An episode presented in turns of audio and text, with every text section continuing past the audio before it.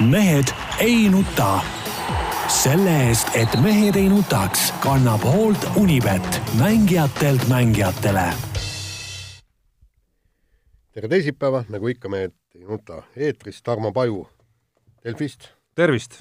Peep Pahv Delfist, Eesti Päevalehest. tervist, tervist! Jaan Martinson Eesti Päevalehest, Delfist ja igalt poolt ka mujalt.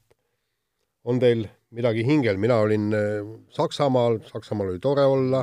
hingel, hingel ei ole nagu suurt midagi, mis ikka sa hingetad siin. ja ma täiesti täna hommikul mõtlesin selle saate algusosa peale ja mõnes mõttes nagu nautisin seda äh, olekut, kus nagu hingel polegi midagi. Ja ei, absoluutselt hingel ei ole, mul, ma ütlen, et, et Saksamaal oli, oli niimoodi hea rahulik olla, väga, väga maitsev Saksamaa õlu ja, ja kõik muu säärad, et no ma mõtlen hingel just igasugu mingitel poliit ja ma ei tea, mis ai, teemadel, et see kõik ei, see on mööda. lõppkokkuvõttes ju suures plaanis ei ole ju elus väga oluline. ja, ja minge metsa, praegu on metsad seeni täis ja mul abikaasa tõi poolteist ämbrit puravikke, nii et et, et tõesti no, no asju, mille üle rõõmustada on ju palju, noh, ilmad näiteks, mis lubavad siin eh, golfirajal veel tundub, et eh, isegi päris pikalt sellel aastal möllata. jaa. no praegu on täiega suvi ja suvi kestabki veel ju minu arust, mis september eh, keskel kuskil või millal see sügisest saabub? jah, igal juhul selles suhtes praegu ongi suvi ja tulebki nagu võtta seda aega kui suvena. jah, ja noh täna hommikul oli muidugi mõnus udu, et tuli selleks, et linna sõita, tuli käia vahepeal noaga nagu tee pealt nagu auku sisse lõikamas, et aru saada, kuhu sõita. meil on seal ja kogu aeg totaalne piim oli tee peal. no ma arvan, et sa oma uue autoga, mis on kuidagi jäänud siin ikkagi saates niimoodi eh, kuidagi veidral moel on jäänud ikkagi nagu kahe silma vahele ja, ja kuulajatel, kuulajatele märkimata, et noh, see lõikas sealt udust ikka läbi, ma arvan, nagu nuga pehmest võist. jah, ja ei saa nuriseda. auto on hea, auto on väga hea. küll ei ole Toyota miskipärast ei ole. kas see, kas kas ei, ma võin Škodale reklaamida küll. Ott Tänaku soovitan kõigile, oota ära hakka kas Ott Tänaku, kas Ott Tänaku kajastajana üldse on võimalik, et ei on. ole nagu Toyota? ei, mul enne oli Ford ju. sa suutsid varjata seda ilmselt kuidagi? ei, nad, seda, Tänak oli isegi näinud seda autot. aga, aga ei, võin reklaamida küll, Škoda Kodiaq, väga hea, ruumikas, mugav, väga mõnus sõita, soovitan kõigile jaa, no mul ei ole praegult, praegult mul... praegult liisingumaksest sada eurot kukkus kohe no mul ei ole nii peen mudel, aga aga Marki kui sellist võin kiita ka mina, jah. Škoda mul varem ka olnud niisugune, nagu sul praegu on, on mul ka kunagi varem olnud, et ei, tõesti normaalsed autod. aga noh, mina olen oma üle kahekümne aasta Toyota fänn olnud. aga mina mäletan, Jaan, kui sul oli ka Škoda. niisugune sinine see oli see Felice või? Felice, see oli ja. pärast Päts muidugi. see oli nagu, nagu kõik sinna autod on olnud Pätsid, eks, välja arvatud nüüd sa tõesti ostsid lõpuks uue auto aga kõik su eelmised autod on ikka täielikult ei, no, saanud ja see, mis ma kakskümmend aastat tagasi, noh. kakskümmend aastat tagasi Toyota ostsin, see oli siis ka uus auto uh,. ei, ta ei olnud päris uus. ei no ta päris uus ei olnud, aga ma ostsin kahe tuhande teisel aastal kahe tuhande esimese aasta auto. aa, niimoodi oli jah, okei okay. aga sa suutsid selle muidugi oma hoolimatusest kohe pätsiks muuta, tead noh. sest Jaan, Jaan siis ütleme, kui ta nüüd autot vahetas uuesti, siis ta esimest korda nagu nii-öelda, nii-öelda koristas autot peale seda, kui ta auto ostis. no jaa, aga vahet ei ole, põhimõtteliselt äh, üheksateist aastat äh, sõitis auto täiesti suurepäraselt. nii, kuule, räägime spordist ja no mitte nii väga spordist, aga no vähemalt äh, kaudselt sporditeemadest. Indrek Visnapuu, meie kuulus noor imelaps kunagi, kui ta hakkas Tartut juhendama, loodeti temast ääretult palju, aga, aga nüüd juhtus nõnda, et, et patustas alkoholiga, kui äh, oma noortevõistkonnaga võistlustele sõitis ja pida-, pidanuks saama korvpalliliidu spordidirektoriks, aga eile tehti otsus, et ta selleks ei saa, samas Audenteses ta ka treenerina tööd tegema ei hakka, nii et nii et karm märk, aga samas noh, omalt poolt ka öeldes, et, et kui nüüd vend tuli lennukile varahommikul juba parajasti tongis ja, ja noh, nagu kõrvalseisjad on rääkinud, et äh, oli ikkagi üsna ebaadekvaatne, siis andke nüüd andeks, noh, see ei ole ka päris normaalne, kui, kui inimene räägib, et noh, mingi lõõgastumine, no enne turniiri sa nüüd lõõgastud, sul on vaja öösel lõõgastuda enne lennak, lennukile minekut ja hommikul kindlasti ka veel väiksed õlled peale teha. no see, no see ei ole lõõgastumine no seal ei ole lõpuks isegi vahet, kas ta tuli nii-öelda aurudega juba lennujaama või, või need kõik tekkisid talle seal reisi jooksul, et seal ju sisulises mõttes ei ole mingisugust vahet, et küsimus on lõpuks vastutuses, vastutuses oma noorte võistkonna ees ja ja eeskujus ja, ja milles kõiges nagu veel, et mul on tunne, et kuigi ma tean, et läbi nädalavahetuse siis need inimesed, kes Korvpalliliidus pidid otsustama siis, mis edasi saab, jagunesid mingil hetkel ikkagi üsna kahte lehte ja mingil hetkel isegi olid ülekaalus need, kes leidsid, et on siin kohta andestamiseks, siis mul on tunne, et siin ei olnud ikkagi nagu tegelikult päriselt ei olnud nagu mingisugust muud varianti ja mingiks muuks otsusteks, kuigi see võib nagu inimlikult päris karm olla, mees hetkel ju on sisuliselt nagu noh, tööta ikkagi, eks, Audenteses ta ju ka ei jätka, siis ma ei tea, ma tahaks öelda, et need ajad võiks nagu läbi olla ikkagi äh, Eesti spordis, kus me, kus me nagu tolereerime seda, eriti nagu noorte treenerit nüüd vaatasid minu otsa. nojah no, ütle ka ma saan aru, et Peep, ma saan aru, ma võin äh, seda Peebu vaikust natuke seletada, et Peep äh, ütleme, ise treenerina natukene keerulises seisus võib-olla siin, aga aga noh, selles mõttes küsimus on põhjendatud ja Peep, ja olgem ausad, jah, ja olgem ausad, et meile on tulnud ju just on, sinule suunatult päris mitu küsimust, mis tegelikult rõhutavad noh, arvestades, mida sa oled rääkinud varasemalt, sellist omamoodi õiget aspekti, et sa ei ole tegelikult ju alkoholi tarvitamise kui sellise suhtes väga noh, niimoodi hukkamõistev, aga ma arvan, et selline olukord on siiski nagu noh, sellist ei saa juhtuda. ei no selge see, et sellist asja ei saa juhtuda ja see on, see on nagu vale, et, et kui sa lähed äh, lähed võistkonnaga välja, sõidad, eh, lähed mängule, et sa siis oled nagu ebaadekvaatses eh, seisundis, et selge see, et see on vale, noh, et niisugust asja ma võin öelda, et ei ole mul ka kunagi juhtunud, et, et ma nüüd oleksin jokkis peaga läinud kuskile juhendama, et, et küll on nagu mõistetavam, on see, kui ütleme, pärast turniiri oleks seal natuke lõõgastatud ja, ja, ja, ja noh, see, see ei ole vast, vast nii suur patt, kuigi noh, noored on noored ja, ja noh, noorte noortega võib-olla peaks ennast natuke rohkem ikkagi tagasi hoidma, kui sa noortega väljas oled, eriti kui sa välismaal oled, sul on ikkagi reaalne vastutus kõikide nende, nende poiste eest, osad olid ka alaealised, eks ole, alla kaheksateistaastased, et et ähm, jah, ei no raske, raske olukord, et et selge see, et et kui me räägime siis korvpalliliidu otsusest, et ähm, mis selle otsuse tegi nagu, mis nagu tingis selle otsuse minu arust on see, et, et tekkinud olukorras Eh, Indrek Visnapul oleks väga raske olnud selle töö peal nagu jätkata lihtsalt just seepärast, et, et kas ta, kas ta oleks pälvinud enam nende noormängijate usaldust, noh. et kui ta oli ennast seal noh, ütleme natuke äh, ebaadekvaatselt käitunud, noh, ütleme oma maine nende silmis maha mängida nüüd, kui sa pead spordidirektorina hakkama nendesamade noormängijatega tegelema, neid koondisse kutsuma ja nii edasi, et noh, kuidas see edasine suhtlus oleks välja näinud, et see, see võib-olla on kõige keerulisem, et, et just just seda tööd oleks olnud tal väga raske teha, et, et võib-olla, võib-olla ongi kõige mõistlikum, ma loodan, et mõni, mõni meeskond korjab ta nüüd ikkagi üles, et siin noh, kas või abitreeneriks, noh, et, et siin Eesti meistriliigas, et, et selge see, et tegemist on ikkagi hea spetsialistiga ja ja, ja minu arust oleks ka kahju, kui ta korvpallist üldse, üldse ära kaob, aga, aga ütleme, ma arvan, et esialgu vähemalt noorteklubides äh, ei ole rakendust noh, ja, ja ei ole ka nende koondiste juures, aga aga ma loodan jah, et mõni, mõni meesteklubi, noh, ma ei tea, Pärnu või, või noh, Rapla, noh, kõigil on muidugi olemas need juba, aga noh, võib-olla mingi, mingi variant leitakse või või, või, või näiteks korvpalliliidus mingi metoodika väljatöötajaks või noh, kuidagi ütleme nii, et ikka korvpalli juurde nagu jääks praegu. et noh, üks, mida see juhtum kindlasti tegi, on tema enda autoriteedi hästi tugev äh, kõigutamine ja, ja, ja, ja, ja langetamine ja. ilmselgelt eesotsas ja alustades nendest samadest poistest, kellega ta konkreetses koondises äh, siis figureeris kuni tegelikult ka laiemas mõttes ikkagi. ja kui me nüüd mõtleme spordidirektori ametiülesannete peale, mis tegelikult tähendab nendesamade poiste ja kõikide teiste erinevas vanuserühmas koondislastega suhtlemist igapäevaselt ja ja võib-olla läbirääkimist nendega, meelitamist, et nad koondisse tuleksid ja mingite arenguplaanide kokkupanekut, pluss veel läbisaamist noh, sisuliselt kõikide Eesti treeneritega, kõikide Eesti korvpalliklubide, korvpallikoolide eestvedajatega, kõikide välismaiste, ütleme eelkõige siis nende klubide esindajatega rääkimine ja agentidega rääkimine, kelle mängijad siis mingil moel on erinevate koondiste huviorbiidis, siis noh, kui, kui me võtame nüüd sellesama näite, kust kaudu see info lõpuks nagu välja üldse jõudis, ehk Gerg Riisa ja Kaunase Žalgiris, siis natuke kummastav oleks mõelda ja, ja manada enda silme ette nüüd sellist olukorda, kus kus Indrek Visnapuu spordidirektorina läheb edaspidi suhtlema kas siis Gerg Riisa või minu pärast kas või Roberta Javtokasega mingitel Gerg Riisa teemadel.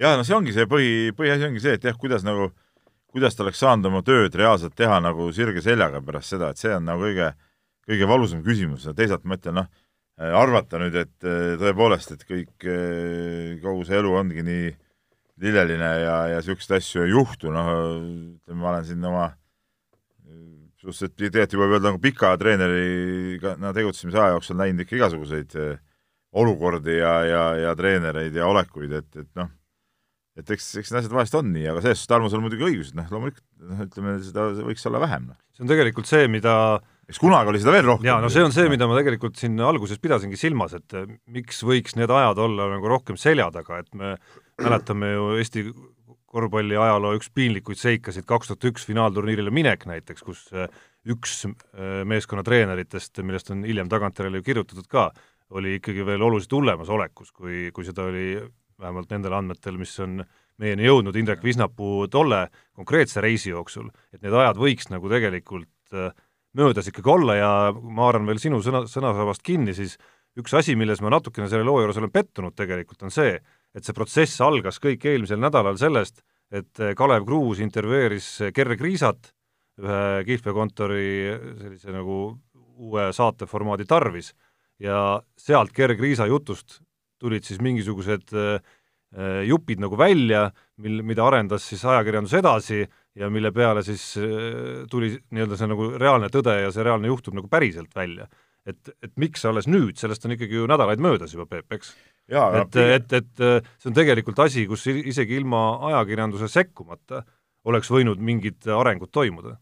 Jaa, seda enam, et äh, arengud toimuda, mind ennast peab rohkem imestama see, kõik ju teadsid, ma arvan, ka Korvpalliliidus. no ei, Korvpalliliit, noh, ma ei tea, kas nad teadsid, nad väidavad, nad ei teadnud.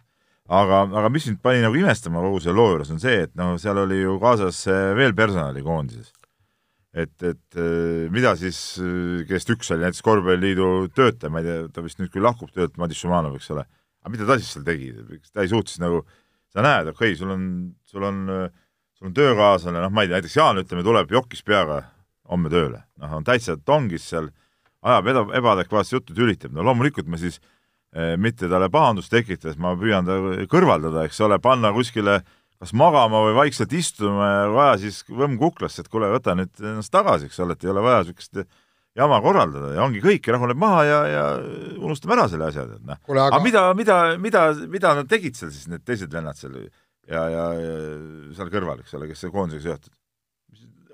lihtsalt vaatasid pealt, naersid, kuidas, kuidas ühel mehel läheb käest ära, kõigil võib käest ära minna. noh, pluss ma ei taha, ja teistpidi ma ei tahaks uskuda, et Kalev Kruus äh, oli esimene, kellele Gerg Riisa nendest asjadest rääkis näiteks. see, see ei ole reaalne. Neid inimesi oli kindlasti veel ja seda enam, et äh, Gerg Riisa ei olnud ainus koondislane, kes seda kõike koges. ei, no seda muidugi jah, ja, ja noh, aga ma ütlen, et noh, seda asja, see asi poleks nii hulluks läinudki, kui kui ütleme, Visnapuu kaaslased oleks, äh, oleks äh, ka reageerinud adekvaatselt sellele.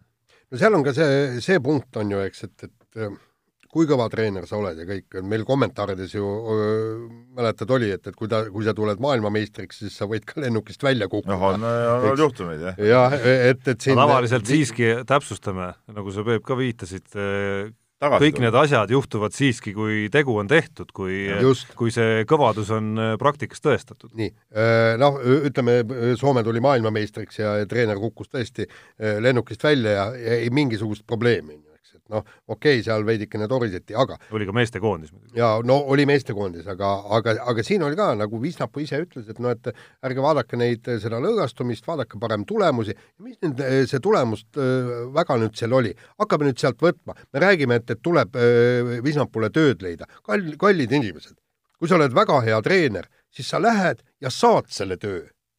et see väike intsident ei tohiks väga hea treeneri puhul. ma, ma räägin, ma loodan, et mõni klubi korjab ta üles lihtsalt. just, ja, ja teine, teine asi, kui sul siin ei korja, taevane arm. meil on ju Euroopas vaba liikumine. mine no, mine kuhugi mujale, kui sa oled väga hea treener.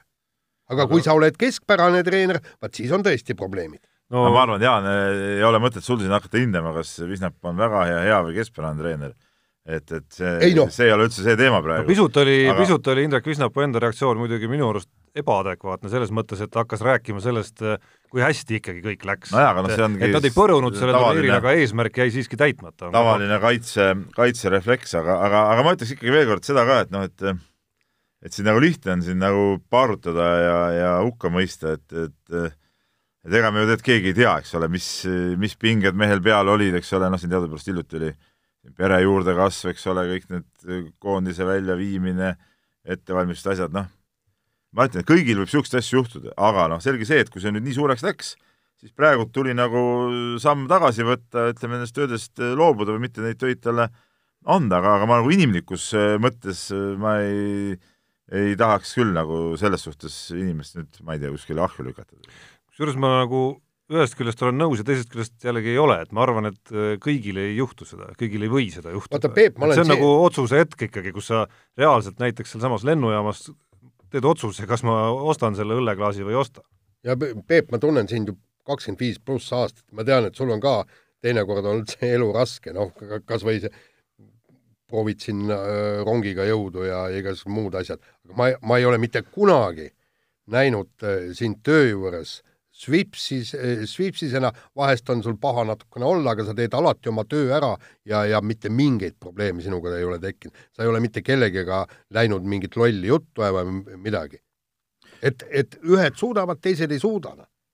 nojah, aga noh, ma ütlen, noh, et, et äh, igal juhul, no võt-, võtame vist asja kokku, et, et äh, et otsus oli kokkuvõttes ilmselt õige, mitte ilmselt, vaid oligi õige ja, ja, ja ja nüüd lihtsalt jääb üle vaadata, mis Indrekust äh, saab ja, ja, ja treenerina ta võiks kindlasti korvpallis jätkata ja just, just meestega või noh, või naistega. aga edasine kõik sõltub temast sõltub temast endast kõik muidugi. jätkame kiire vahemänguga, lähme võrkpalli juurde ja võrkpalli naiskonna peatreener Andrei Ojamets oli ääretult imestunud EM-il äh, pärast mängu Horvaatiaga ja, ja ja tegi silmad suureks ja küsis, et kas Horvaatia genofond on tõesti nii palju parem kui meil. no vaadake, mitte ühtegi laia puusaga. kõik on pikajalgsed, üliatleetlikud. aga nii ongi ju. nii ongi ju ja ei, absoluutselt nii ongi, aga, aga, aga, aga samas ma no aga Eestis siis ainult matsakad naised? ei no tugevad, ütleme, maatöö tüdrukud, aga no, ei no tegelikult on ju meil ka ja Horvaatias on ka matsakaid. seal sihvakaid tüdrukuid koondises ka, aga, aga võib-olla on ikkagi siis noh, ütleme, kui me vaatame ka meie eh, naiskonna võib-olla niisugust eh, üldist pilti, et noh, ma ei tea, kui palju seal võib-olla ühes teises kohas seda füüsilist võimekust ka on nagu arendatud, eks ole, noh, et selles on, selles on võib-olla rohkem küsimus. just, aga just ma olengi kuulnud näiteks nii, nii jalgpallurid kui ka korvpallurid, eks, et, et Euroopas hakkavad mä-, märgatavalt varem juba kangi tõstma ja kõik, aga, aga mis ma puudan no see on paljudel, see on paljudel aladel niimoodi. väga paljudel aladel niimoodi, et Eestis on väga, millegipärast nagu väga nagu peljatakse seda jõutreeningut ja füüsilist treeningut ja ja samal ajal, kui näiteks võtadki needsamad Venemaal ja, ja seal kuuled, et noh, seal juba ammu-ammu tehakse igast asju, noh, noorteklassides juba. aga, aga muide, mis puusadest äh, rääkida, siis noh, ma ei ole küll väga spetsialist, aga nii palju, kui ma olen küll kuulnud, et, et äh, laiade puusadega on märgatavalt parem sünnitada ja, ja ja, ja noh, et kitsad puusad, äh, puusad võivad tekitada üldse probleeme ja tegelikult no meil on, meil on ikkagi noh, meil on maa, tublid maanaised ja, ja need on töökad ja, ja kõik ja, ja ütleme niisuguse kiitsakaid muide, sada aastat tagasi neid ei oleks ju keegi öö, mehele saanud, suudetud panna ju. sa poleks jäskanud tööd teha ju. ei, absoluutselt jah, mis sa niisuguse piitsaga teed, puusad kitsad, sünnitada ei suuda. no ma kahtlustan, et esimene vahe algab siiski sealt, et Horvaatia on oma need äh, kuidas Aja, Ojamets ütleski, äh, üliatleetlikud ja pikajalgsed võib-olla vähe suuremast neidude hulgast lihtsalt välja valinud. rahvaarvus see... võib-olla ei ole vahet, aga aga ma usun, et võrkpalliharrastajate seas võib-olla natukene on ikkagi. võib-olla see selektsioon on olnud ka parem kui meil.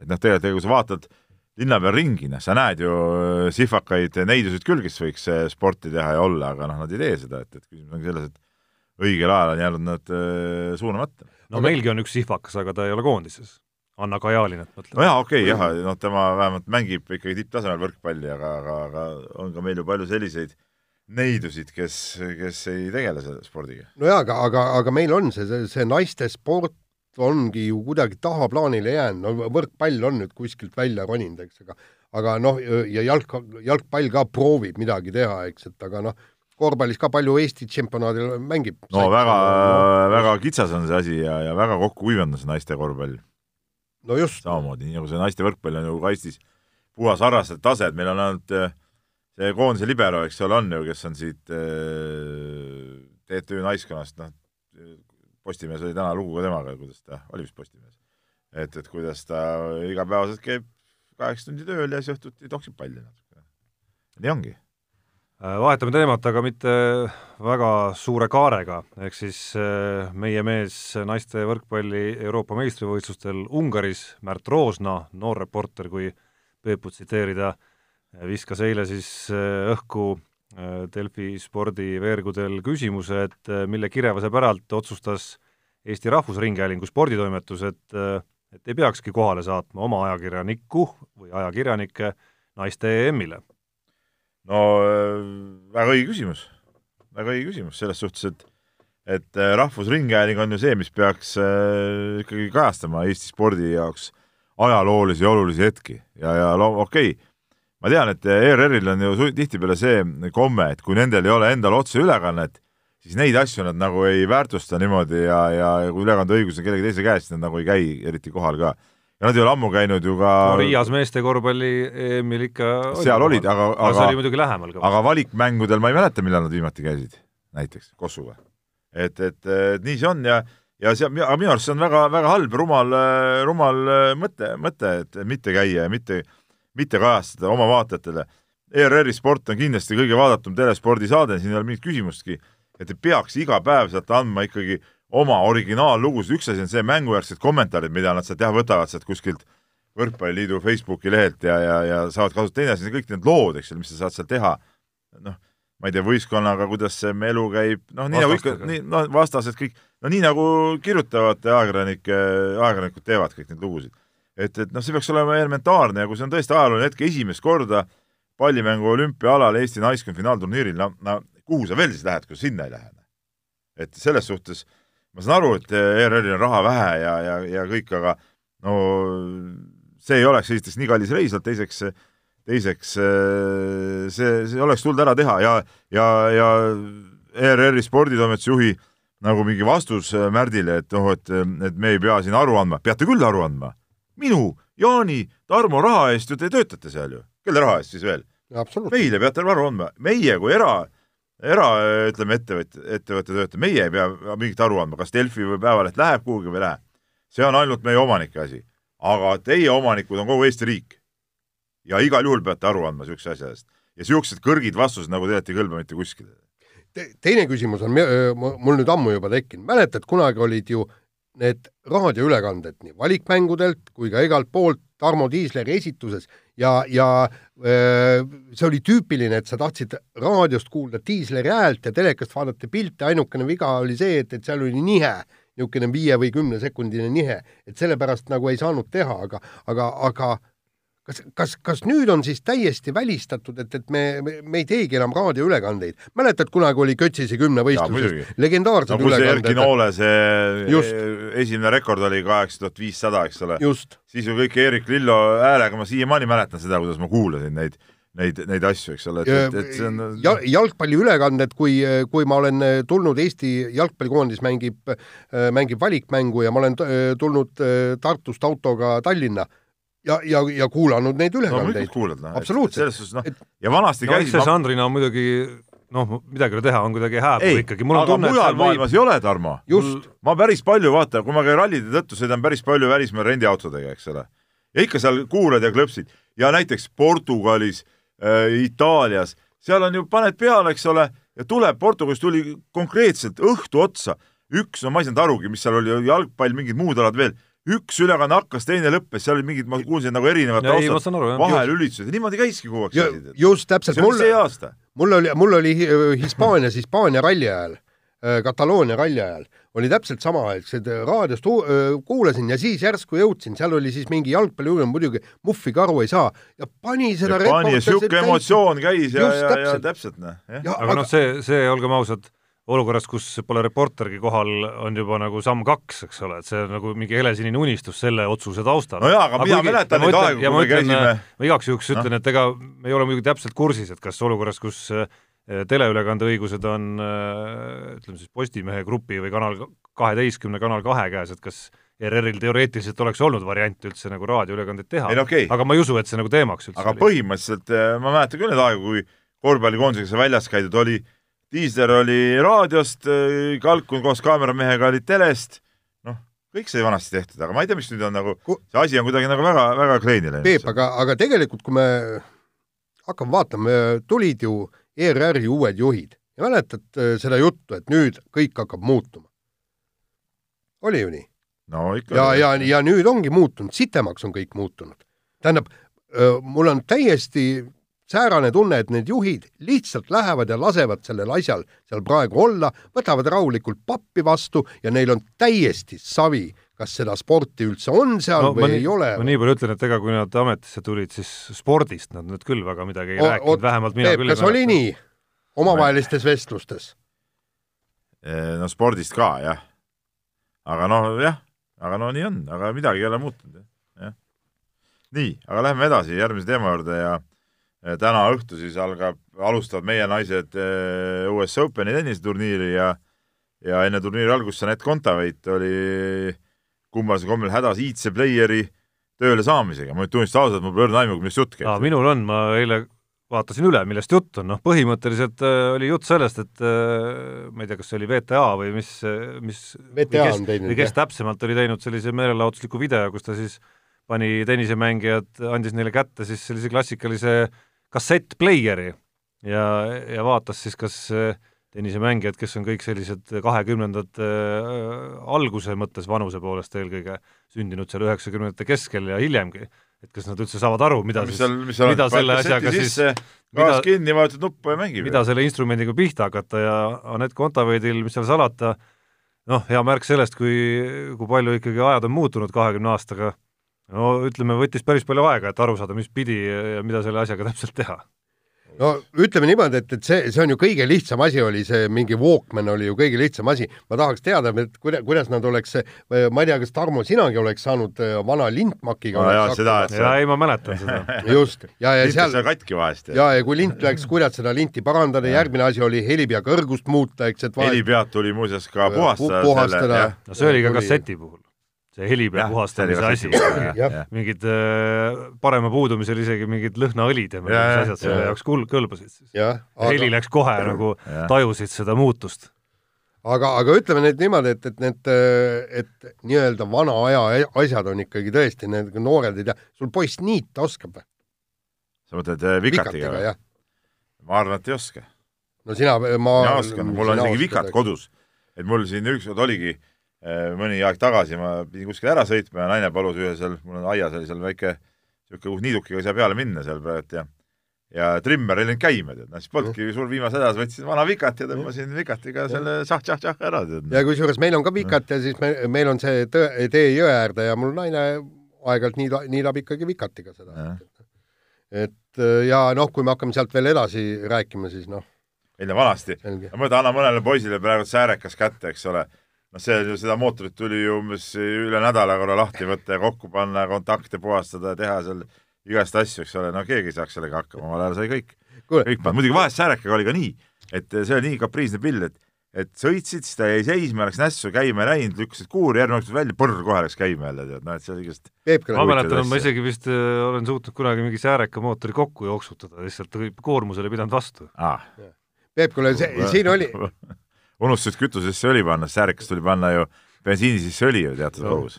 kuule, see siin äh, tööle tulles vaatasin, et mingi tsiklimees proovis oma tsiklit seal käima panna, no üsna eba- ja siis vanast ajast tuli meelde, tahtsin talle hüüda, kuule, puhu tüüsid läbi. jaa, täpselt, ah, mis, mul oli vanasti Moskvitš, mu esimene nagu see päris auto, millega sõitsime ja ja see ei läinudki muidu käima, iga kord tuli, kui ta oli pikalt seisnud, tuli pumbaga karbussist äh, läbi pumbata, tead, noh.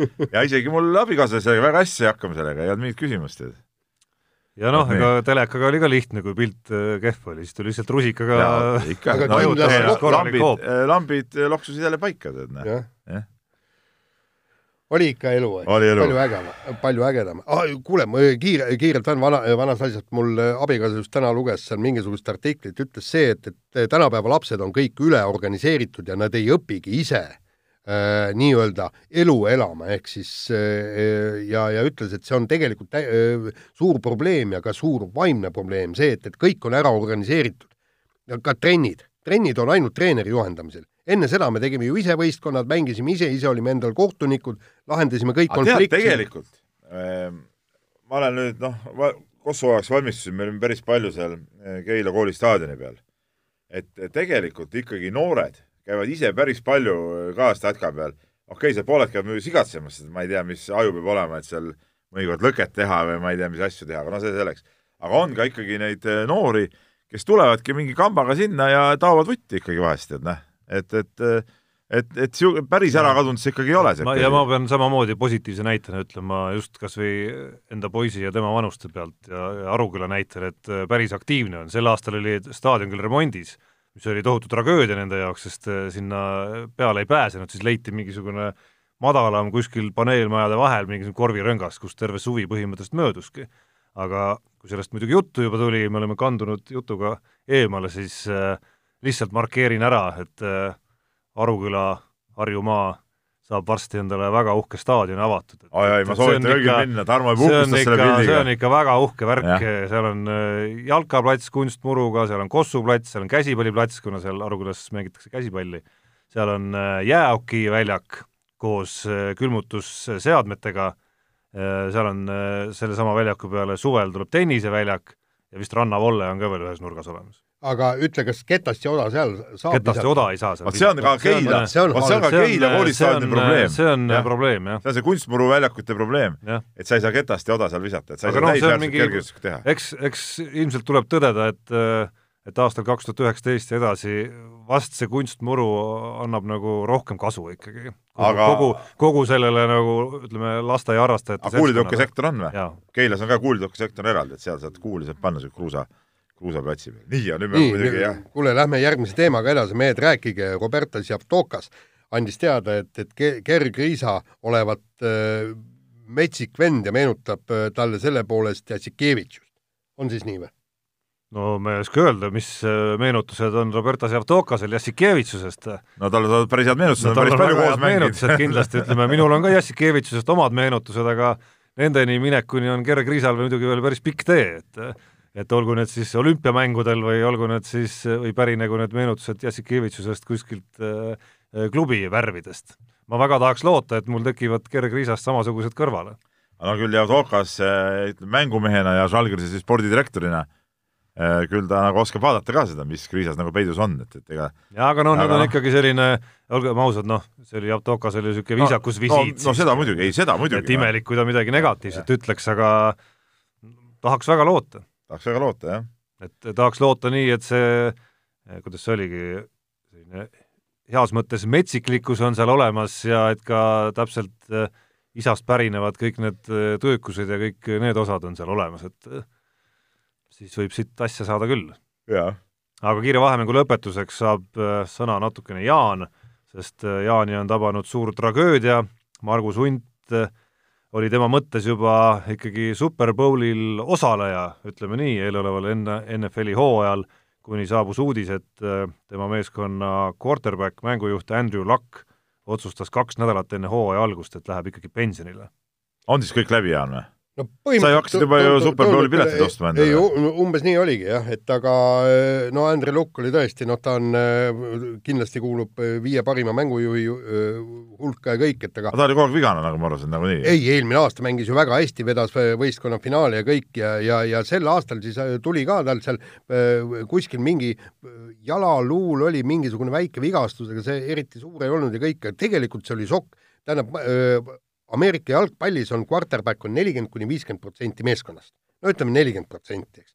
ja, ja see, see on umbes sama, kui, kui noh, ma ei, ma ei kujuta ette Eesti Kossu koondises eh, neljandik eh, algviisikust eh,, kaks või kolm meest lihtsalt ütlevad, et et vabandage, meie nagu ei mängi, et, et see oli ikkagi jube, jube šokk ja niisugust asja tegelikult eh, no ei tehta, sellepärast et praegu on ju kõik on, kõik head vennad, draft on läbi, kõik, kõik head mehed on juba ära võetud, nii et, et ei olegi, lihtsalt tuleb teise quarterbackiga mängida ja see aga kas ta ei või ootamatult avaneda või? no võib ikka, aga, aga noh, ta ei, ta vähemalt eelmine kord, kui ta siin on Tšepa mänginud, siis ta nii hea vend ei ole, aga, aga noh, hoiame pöidlaid, hoiame pöidlaid. Jaan tahab ju Ameerikasse sõita. no kas, kas ma sinna sõita tahan, aga, aga ma no, ma, ma ootan, Priit Pullerits ja Jaan Martinson on ikka kaks, ma arvan, esi-Ameerika ihalejat. ütleme niimoodi, et, et ma ootasin kannatamatult seda Ameerika jalgpallihooaega just sellepärast, eks, et, et on Margus Hundil tõsine võimalus oli jõuda kuhugi. Unibetis saab tasuta vaadata aastas enam kui viiekümne tuhande mängu otseülekannet. seda isegi mobiilis ja tahvelarvutis. Unibet, mängijatelt mängijatele nii, kas sa räägid meile Unibetist? no rääkige teie, kuidas läinud? jaa, mina võin nüüd raporteerida. oli äh, kaks möödalasku, aga üks, ütleme täis äh,, kuidas ma ütlen siis, kümme ja su summa jäi enam-vähem samaks tegelikult, aga noh, ütleme ma ei kaota, ma panin kolm panust. Mis see täis, ärme siis nendest viperustest jaa, ma räägin täis, siin ikka lõi jälle välja ikkagi, ikkagi, et mees ikka hoki asja tunneb. KHL-i hooajaline kontrollmäng, vaatasin Riia, Riia Dünamo on väga hästi oli mänginud neid kontrollmänge, panin nende peale ja sealt tuli. selge, ärme nendest miinustest. ei, ma tean küll, üks oli Ožeer, ma panin Ožeer rallivõidu peale ja, ja aga ma nüüd ei mäleta, mis see kolmas oli. see oli mingi jalgpalli asi, mul ei tule praegu meelde. see oli nende Champions League'i eelringi mängudega seotud midagi, aga, aga aga mul ei tule jah meelde enam täpselt. kui, kui positiivsest rääkida, siis ma pean taaskord vaikima, mitte ühtegi pihta, mul hakkab vaikselt, vaikselt raakott tühjaks saama, aga noh, elu on selline. ilus oli vaadata, et nende kõikide punaste järel tuli mul ka see roheline. no mina, ma võin öelda, ootan korvpalli MM-i kannatamatult. ja, ja siis ma hakkan Ikkagi. panema iga päev. ja, ja lõppevast nädalast on mul ette näidata mõned unustamised, millest üks oli positiivne, teine negatiivne, selles mõttes, et äh, positiivne oli see, et äh, jäi Tänaku peale see meie eripanus panemata, kuigi see oli tagantjärele väga hea panus. Äh, et ta võidab ralli vähemalt kolmekümne sekundiga ja koefitsient, mis sellel tekkis pärast meie saadet, oli siis kolm koma viis ja olgem ausad, et kui seda piduri probleemi poleks olnud, siis oleks päris nibin-nabin olnud see, kas see vahe on kolmkümmend või ei ole. ja, ja teine unustamine oli eile õhtul muidugi, kus ma juba vaatasin välja, et ma lähen panen tõesti nagu, nagu suurema summa Serena Williamsile Maria Šarapova vastu sest noh, ilma et ma oleks väga suur spetsialist, siis meenutades Šarapova mängu Kontaveidiga, Kontaveidiga, tundus mulle, et no Serena Williamsi vastu pole tal küll nagu mingit varianti.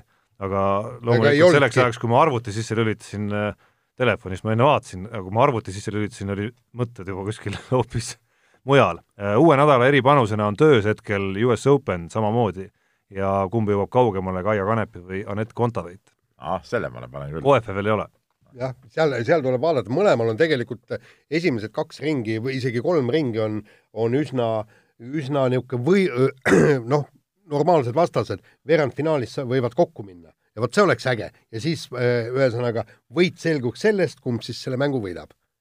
veerandfinaalis. selle juhtumise tõenäosus, Jaan, ei ole väga suur. taas Jaan on tarbinud mingeid äh, aineid, et, et äh, aga noh, fakt on see, et mõlemad on Suure Slami turniiril ju miks? miks nad ei võiks veerandfinaalis on seda teinud võiks, võiks, aga no ei, aga ma ei ütle, et nad lähevad, ma ütlen, et võiks, vot see oleks äge. ütlesid ikka lähevad. nii, aga läheme kirjadele, kirju on erakordselt palju, no osa kirju sai muidugi selle eh, Visnapuu teemaga ära menetletud, aga siin on ka muid kirju väga palju ja ja Egon Illisson küsib meie käest sellist asja, et vaadates võrkpalli EM-i hakkab valusalt silma see, et praktiliselt eranditult ei tunnista mängijaid seda, kui nende ploki õrnast ripsust pall out'i läheb väiksematel võistlustel on see elementaarne, tunnistatakse ripsakad üles. Õnneks on nüüd küll challenge'id, aga ise keegi vabatahtlikult ausust üles ei näita. Eeldan, et see on treenerite käsk mängijatele, et ei ole vaja üles tunnistada ja lasta hoopis kohtunikel otsustada. sest mängija tegelikult ise tunneb väga hästi, et kas pall puudutab teda või mitte. et mis kostate, kas antud näidete puhul on ka teie arvates tegu teadliku sobimänguga ja fair play reeglite eiramisega? noh.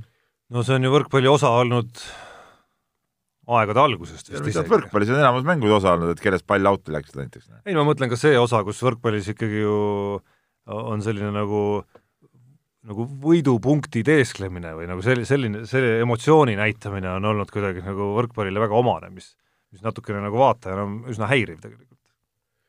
jaa, aga võib-olla, võib-olla seal ongi asi nüüd äh, paljuski selles, et, et on olemas challenge.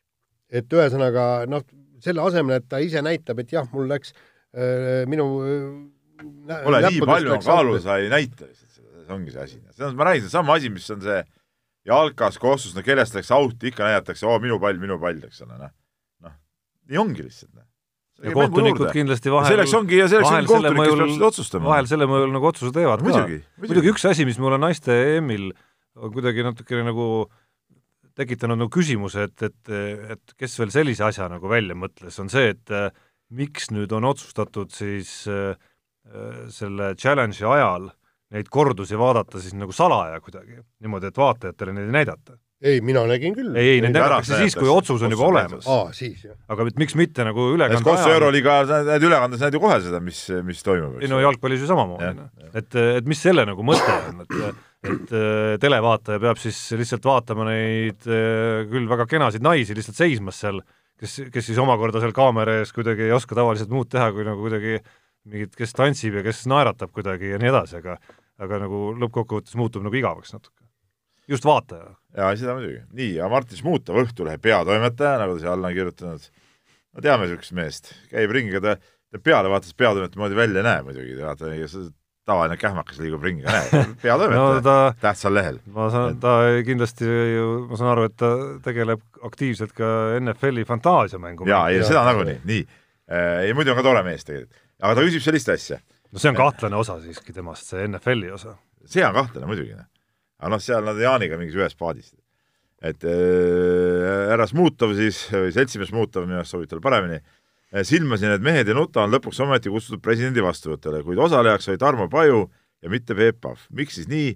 sest seni on saates jäänud mulje, et ülemus on ikkagi Peep, kuid nüüd selgus, et Tarmo on ikkagi kõvem mees. no tegelikult ma täpsustan, on meie ülemus selles saates siiski Jaan Martinson. aga Jaan Martinsoni muidugi ühessegi peenesse kohta kutsuda ei saa, ei saa lihtsalt.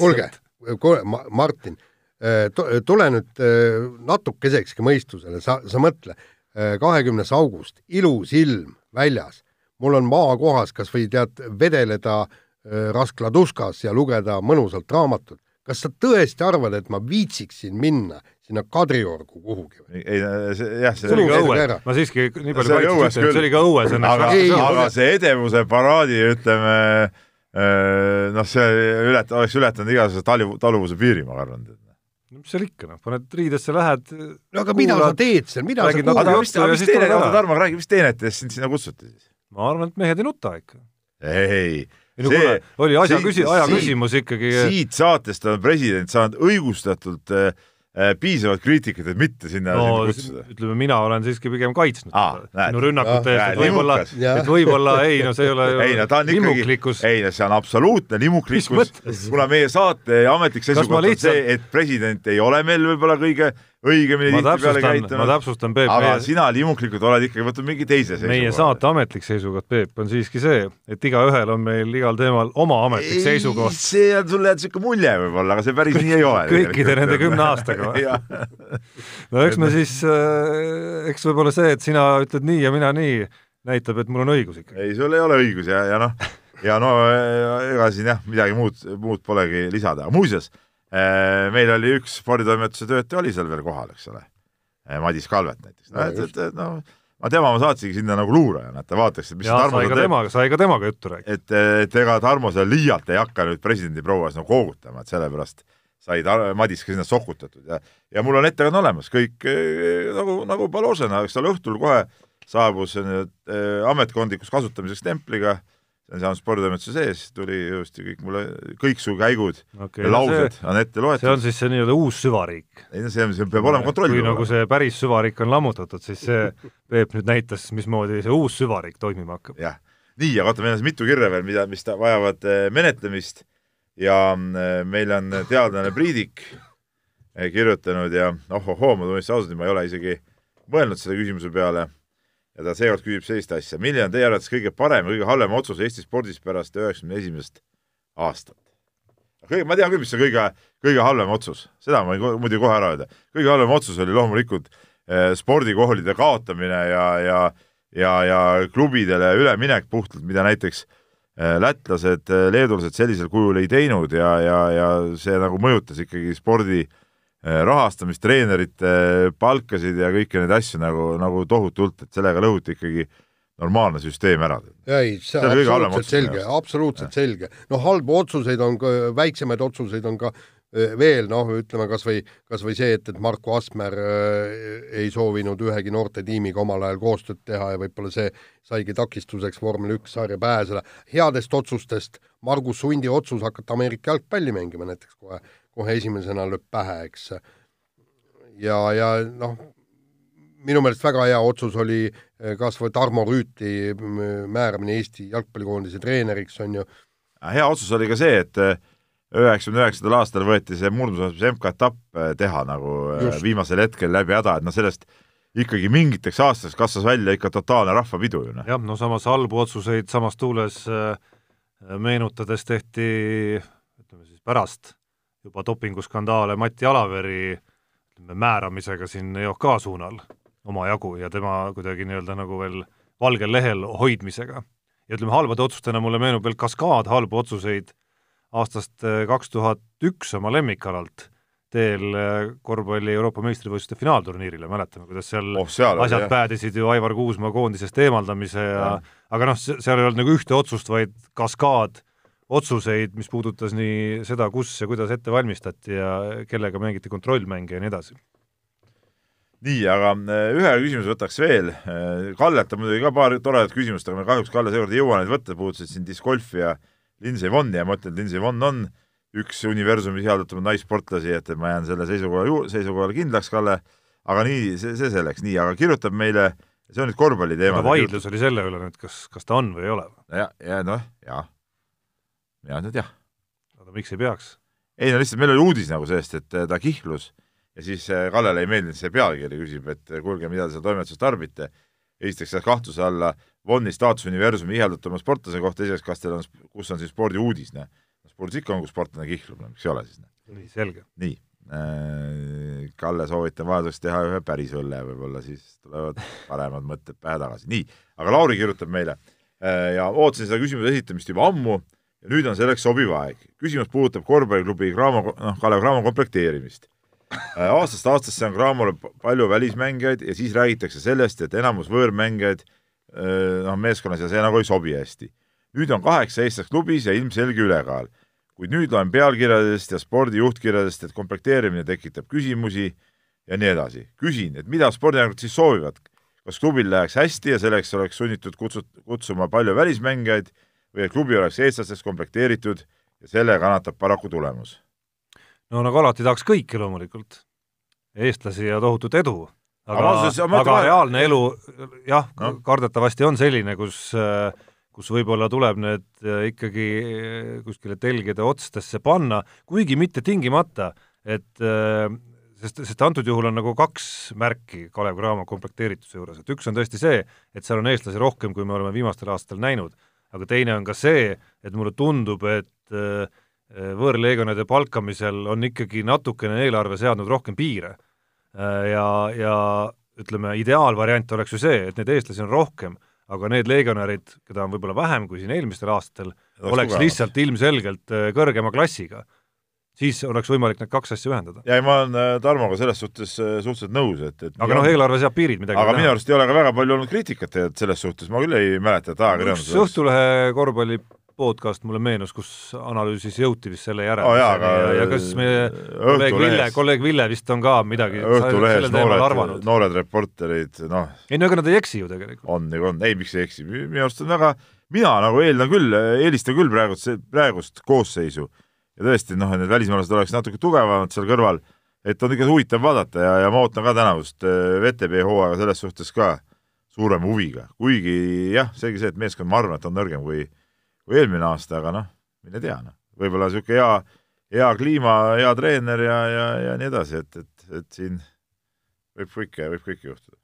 nii, oota, ühe asja ma küsin nüüd veel ikkagi ära, Jaan, Marko küsib mu käest ja mina ei olnud seda asja tähele pannud, et kas Jaan Martinson küsinud Saksamaal rallil Oti ja Martini käest, mis ja miks neil vasaku käe randmel oli randme peal punane kollaste joontega mingisugune pael? kas mingi uus talismann, tead sellest midagi? ja ei, sellest ei tea nagu midagi. seal käib ju äh, tavaliselt silmad kinni seal ringi ka, et noh, siis ei ole midagi imestada. nii, aga nüüd me oleme küll nagu üle no me oleme muidugi, kui sellest juttu tuli Jaanist ja Saksamaal käigust, me oleme toimetuse sees sellest ju rääkinud omajagu, aga ma usun, et kuulajatel on ka huvitav teada, et toimus ikkagi ju no nagu, nagu tohutu samm inimkonna ajaloos, kus Jaan Martinson ikkagi omaenda käte ja nutitelefoni abiga tegi videointervjuusid Ott Tänakuga. aga ta nüüd räägib esimestest katsetustest. oot-oot-oot, paluks, ma olen ka varem teinud videosid. ohoh mis sa sind õpetama pidid enne minekut? mina mäletan, oota, oota, oota, ma segan ka enne vahele. ole, oota, ma räägin, ma äh,, Ott Tänakuga äh,, esimene video Ott Tänakuga mu, oli mu elu kolmas video. Esimeses videos, see, mida sa tahtsid meenutada, oli kergejõustikul, Kadrioru staadionil. Kadrioru staadionil ma tegin väga hea video, ainult et unustasin aparaadi sisse lülitada. nii, teine kord Eh, seal oli juba siis eh, telefoniga tegin ja samuti oli video täiesti suurepärane, aga mingistel seletamatutel asjaoludel näitas video hoopis mind, aga mitte seda, eh, kellelt ma asju küsisin. et mul oli, aparaat oli teistpidi. aga, aga muidu oli video väga hea. Ja nüüd siis Ott Tänakuga tegin, tegin ka esimese video tegin ära ja siis, kui ma hakkasin seda vaatama, siis millegipärast Ott Tänak otsustas rääkida pea alaspidi võib isegi ei tea, kuidas see võimalik on. seda sai õnneks ümber keerata. seda küll, aga kuidas see võimalik on, et see pea alaspidi oli? mina ei tea, aga mulle no Jaani kätes. Jaani kätes on kõik võimalik. Jaan suutis isegi videod kõik toimetusse saata ja ma ütlen, et suur, suur aplaus Jaanile ja videod olid väga vaadatavad jah, ja, ja, ja järgmised kaks videot läksid juba briljantselt. nagu Lepase reega. nagu Lepase reega, kuigi ma muidugi, mul ei olnud vähimatki aimu, kuidas see äh, valgus sinna sisse panna, sest öösel näed, ma oleks muidu vas-, vastasel korral filminud täitsa äh, noh, süsimust pilt oleks olnud ja sealt oleks pildi seest tulnud tänak päev. jah, aga õnneks oli mul abimehed, kes, kes näitasid, kuidas valgust sisse lülitada. nii, aga nüüd on meil muidugi probleem kuule, ärme hakka grilli panema, kohe hakkame minema. kas võrkpallinaiskonda tuleb, äh, nendega tuleb äh, tõrel, tõreleda äh, selle eest, et nad on EM-il kolm mängu tappa saanud või neile tuleb pai teha, nagu soovitas meie noor reporter Märt Roosna? mina ütlen nii, et ähm, ma siiski olen naiste võrkpalli EM-ist olen saanud paar päris vägevat elam-, elamust, et kõigepealt siis see laupäevane mäng, kui nad võitsid selle game'i, see game'i võit oli nagu iseenesest nagu äge ja siis tegelikult terve see pühapäevane mäng äh, Rumeeniaga oli, oli, oli väga vinge ja ma olin siin tööl, pidin nagunii Märdi lugu ootama ja toimetama ja siis ma sain televiisorist seda suhteliselt rahulikult vaadata. kuna Jaan ka soperdas oma rallilooga seal nii kaua, et seal kõik asjad viibisid ja siis ma, mul oli nagu aega siin. ja, ja, ja, ja tõesti, see oli vägev ja ma ütlen küll, et, et noh, no kaotavad siis kaotavad, eks ole, aga, aga selles Rumeeniaga mängus oli küll nagu seda võitlust ja, ja tahtmist ja, ja kui nad saavad siin mõned game'id kätte, noh siis ju ei ole päris, päris kotipoisid seal või kotinaised oldud. ja, ja kusjuures ma rääkisin äh, Märt Roosnaga ka ja, ja väh, vähemalt mina nägin küll tegelikult ainult esimest mängu, mis esimene mäng oli veel natuke siuke oli täiesti nii, nii kõik, aga ma vaatasin, kuidas, äh, tähendab, mul tekkis seal kohe, esimene mäng oli täie, täielik katastroof. tekkis kaks, kaks mõtet.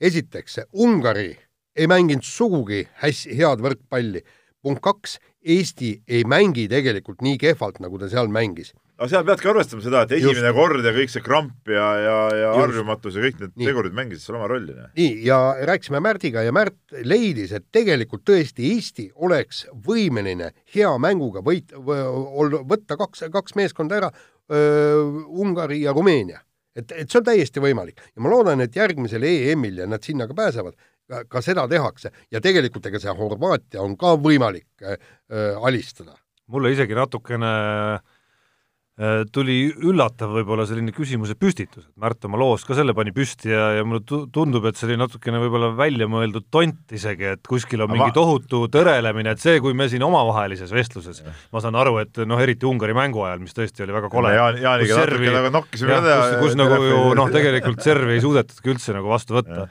Et loomulikult, et, et see, kui siin omavahel läheb lõõpimiseks ja ma isegi saatsin, ma mäletan Ungari mängu ajal ühele meie naiskolleegile, kes ise on harrastusvõrkpallur ja ühe koondislase sugulane ka veel, äh, kirjutasin, et kuule, mis nüüd toimub, et kuidas noh, ja nii edasi ja nii edasi.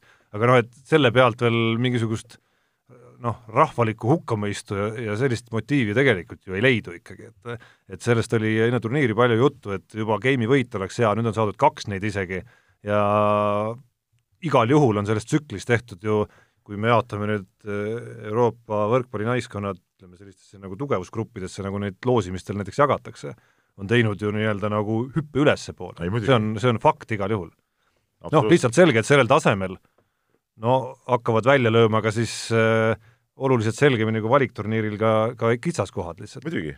Noh, millest vastuvõtt muidugi hakkas kõige karjuvamalt silma ikkagi. vastuvõtt ja teine asi ka see ikkagi, see rünnakute agressiivsus mingites olukordades, et kui kui vastased ikka nagu löövad neid palle, ka raskeid palle, siis meie omad kipuvad tihtipeale ikkagi nagu tõksama üle neid keerulisemaid palle. jaa, aga, aga mõelge, kaks aastat on ju sellel naiskonnal areneda, nad mängivad täitsa tub-, tublides ja korralikes klubides ja, ja ma arvan, et, et järgmisel EM-il me näeme hoopis teist Eesti naiskonda.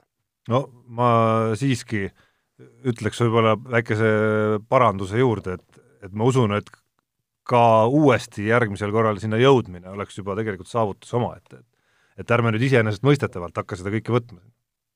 noh, et Tšehhit näiteks edestas Eesti ju selleks, et äh, finaalturniirile pääseda, et ma ei võtaks veel iseenesestmõistetavalt, et me nüüd näiteks Tšehhi-sugust edestamegi iga kord. no jaa, aga, aga kui ei tule Tšehhi vastu, tuleb Ungari või Rumeenia vastu ja neid me oleme ka täiesti rahulikult võimelised võitma. Kusjuures kas mitte eelmises valiktsüklis sellesama Ungariga mängis Eesti päris tasavägiselt isegi, ühe mängu kaotas kaks-kolm aga vahetame teemat, äh, nagu juba lubatud ja kiheletud, on algamas nädalavahetusel korvpalli mm. jah, ja no minul on loomulikult ees äh, Leedu prillid. Leedu prillid? no ikka. Leedu prillid on meil kõigil ees, ükskõik mis turniir algab aga, aga ma ei ole kindel, et Leedu võib olla see kõige suurem äh, lootus praegu on selle peale, et USA, kes ei ole oma parimas koosseisus seda küll, et maailmameistriks ei tule, aga ma loodan, et jõuavad vähemalt väga kaugele. Noh. kuigi Leedu puhul on muidugi alati minu arust ajalugu näidanud, et et paljudel turniiridel, kus ootused on väga kõrgel, need ootused ei täitu ja päris tihti, kus nagu nad saavad nagu radari alt lennata, võivad nad üllatada millega iganes. aga igal, igal juhul noh, olgem ausad, see, et USA ei ole oma esimeses koosseisus, on äh, teinud selle ootuse mõnes mõttes ikkagi suuremaks isegi tavalisega võrreldes. absoluutselt, no intriig on igal juhul püsti, eriti peale nende kontrollmängus saadud kaotust ka veel. kuigi ja... ma ütleks ikkagi, et äh, ma arvan, et nad on soosikud number üks. et kui koosseis nagu nii-öelda talendi mõttes ritta seada, siis neil on seda loomulikult kõige rohkem. aga, aga nad on muidugi päris päris äh, väga, ühes väga olulises nüansis on nad ikkagi nagu noh, nii-öelda väga suures kaotusseisus vastastega, mis puudutab siis sellist äh, kokkumängu sisuliselt esimest korda kokku klopsitud kooslus ja kui sa paned sinna kõrvale nüüd Serbia näiteks, kus on veel lisaks sellele, et need mehed on mänginud väga palju koos, on nad ka sellised, äh, nagu nii-öelda nagu rahvuse esindamine nende jaoks ikkagi noh, midagi, mis tuleb väga, nagu väga, väga sügavalt südamest. et kui sa paned need nagu kõrvale, siis seal ma arvan, et läheb tege-, tegelikult ka päriselt väga huvitavaks. jaa, absoluutselt, et eh, sellest turniiri tuleb kindlasti, kindlasti suurepärane, et, et eh, no seal on veel, veel kõvasid satsi, võtame see Kreeka näiteks oma Ante Kompuga. no Hispaania, Prantsusmaa. nagu alati, Prantsusmaa, jah. aga mina et, loodan, et, et võidaks Austraalia. seesama Austraalia, seesama Austraalia ka, kes tegelikult juba ju äh, on näidanud suurturniiridel ennast päris ohtlikuna. see oleks punk, kui Austraalia ei, tuleks. sa ei saa olla mingit võõraste poolt Austraalia, kusjuures on äh, väga sümpaatne koht. ei, need on koht. ja on ka me peame olema ikka omade poolt, meil on siin kaks võistkonda, leedukad ja naše. ma ütlen ausalt, Jaan, ma ei tea, kuidas sina seda mäletad, aga Sydney olümpial käies äh, tundusid austraallased küll väga omad. jaa, nad on omad. nii, kuule, aga lähme nüüd kiirelt viimane teema ja Ott Tänak võitis Saksamaa ralli, kerkis äh,, mitte ei kerkinud, vaid äh, kasvatas, kasvatas edu äh, MM-sarjas Neuvilli vastu kolmekümne kolme. Peep juba eile Rallistuudios ütles, konkurente pole, mille peale me saime mõned kirjad ka muidugi, et kas äkki nagu natuke liiga rutakalt see asi ei käi ja läheb siin ärasõnumiseks juba. mis ärasõnumiseks, ega see, kas tõesti keegi arvab, et kellegi mingi ütluse peale jääb nüüd kellelgi võit saamata? no seal on kogu Tänaku enda ütluse peale võib jääda muidugi, kui ta ise muutub. jaa, aga tema ise nagu seda vähemalt sõnades, seda seisukohta nagu ei levita, mida ma eile seal stuudios ütlesin, ma, tundub, ma sain aru, et siin väga inim-, paljud inimesed võtsid seda väga nagu, nagu pahasena, seda arvamust, aga paraku hooaeg on näidanud, no tal ei ole ju konkurenti kokkuvõttes. no just, noh, üt-. on ju võtab... hea, noh. ma ei räägi sellest, kui tal läheb auto katki, noh, keegi ei räägi ju sellest.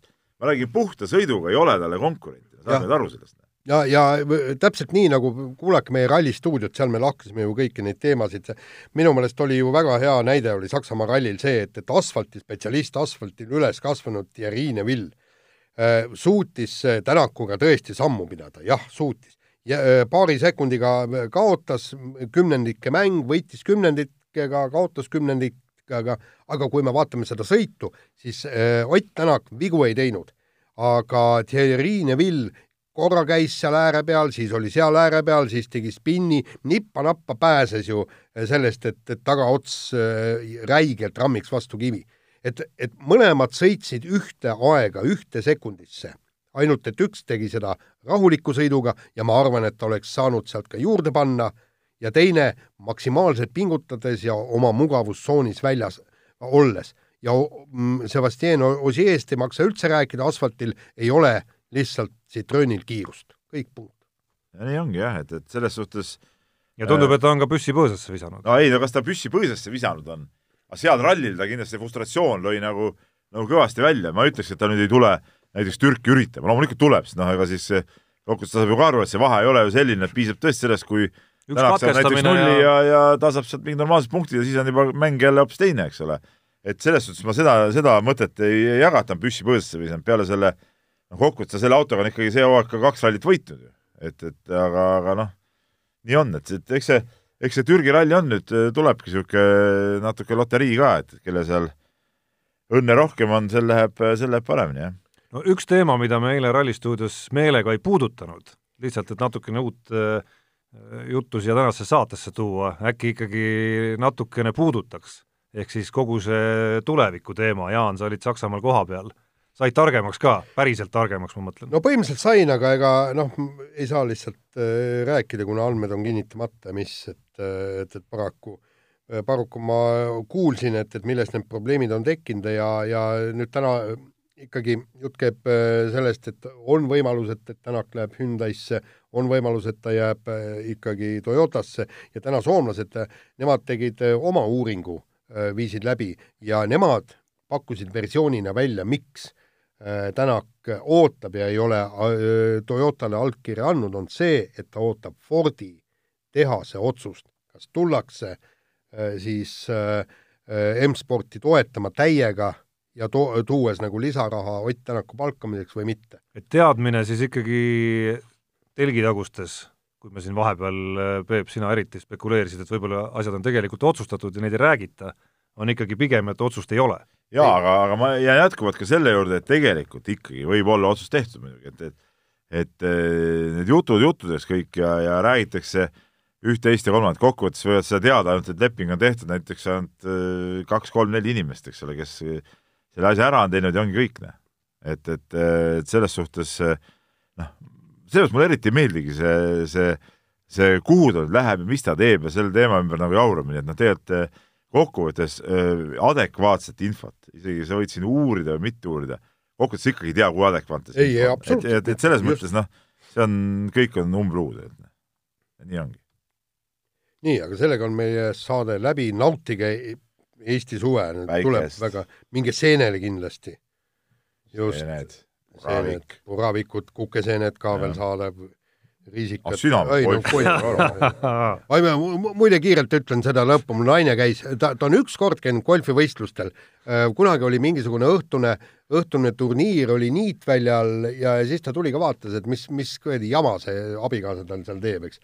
ja tal läks täiesti när-, närvi sellega, et see niitvälja raja ümbrus oli igast seeni täis, onju ja neile astuti peale, siis golfikepiga virutati tead löögi imiteerimisstseeni, naine oli täitsa raevus, lollakad olete siin või? et seeni tuleb korjata, te peksate neid. ma ei ole küll ühelgi väljakul seeni märganud, aga oli, aga oli... oma kaasa kohta võin öelda, et talle meeldib küll ilusates kohtades jalutada ja golfiväljakud ilusad on. nii, aga kuulake meid nädala pärast. mehed ei nuta. saate tõi sinuni Unibet, mängijatelt mängijatele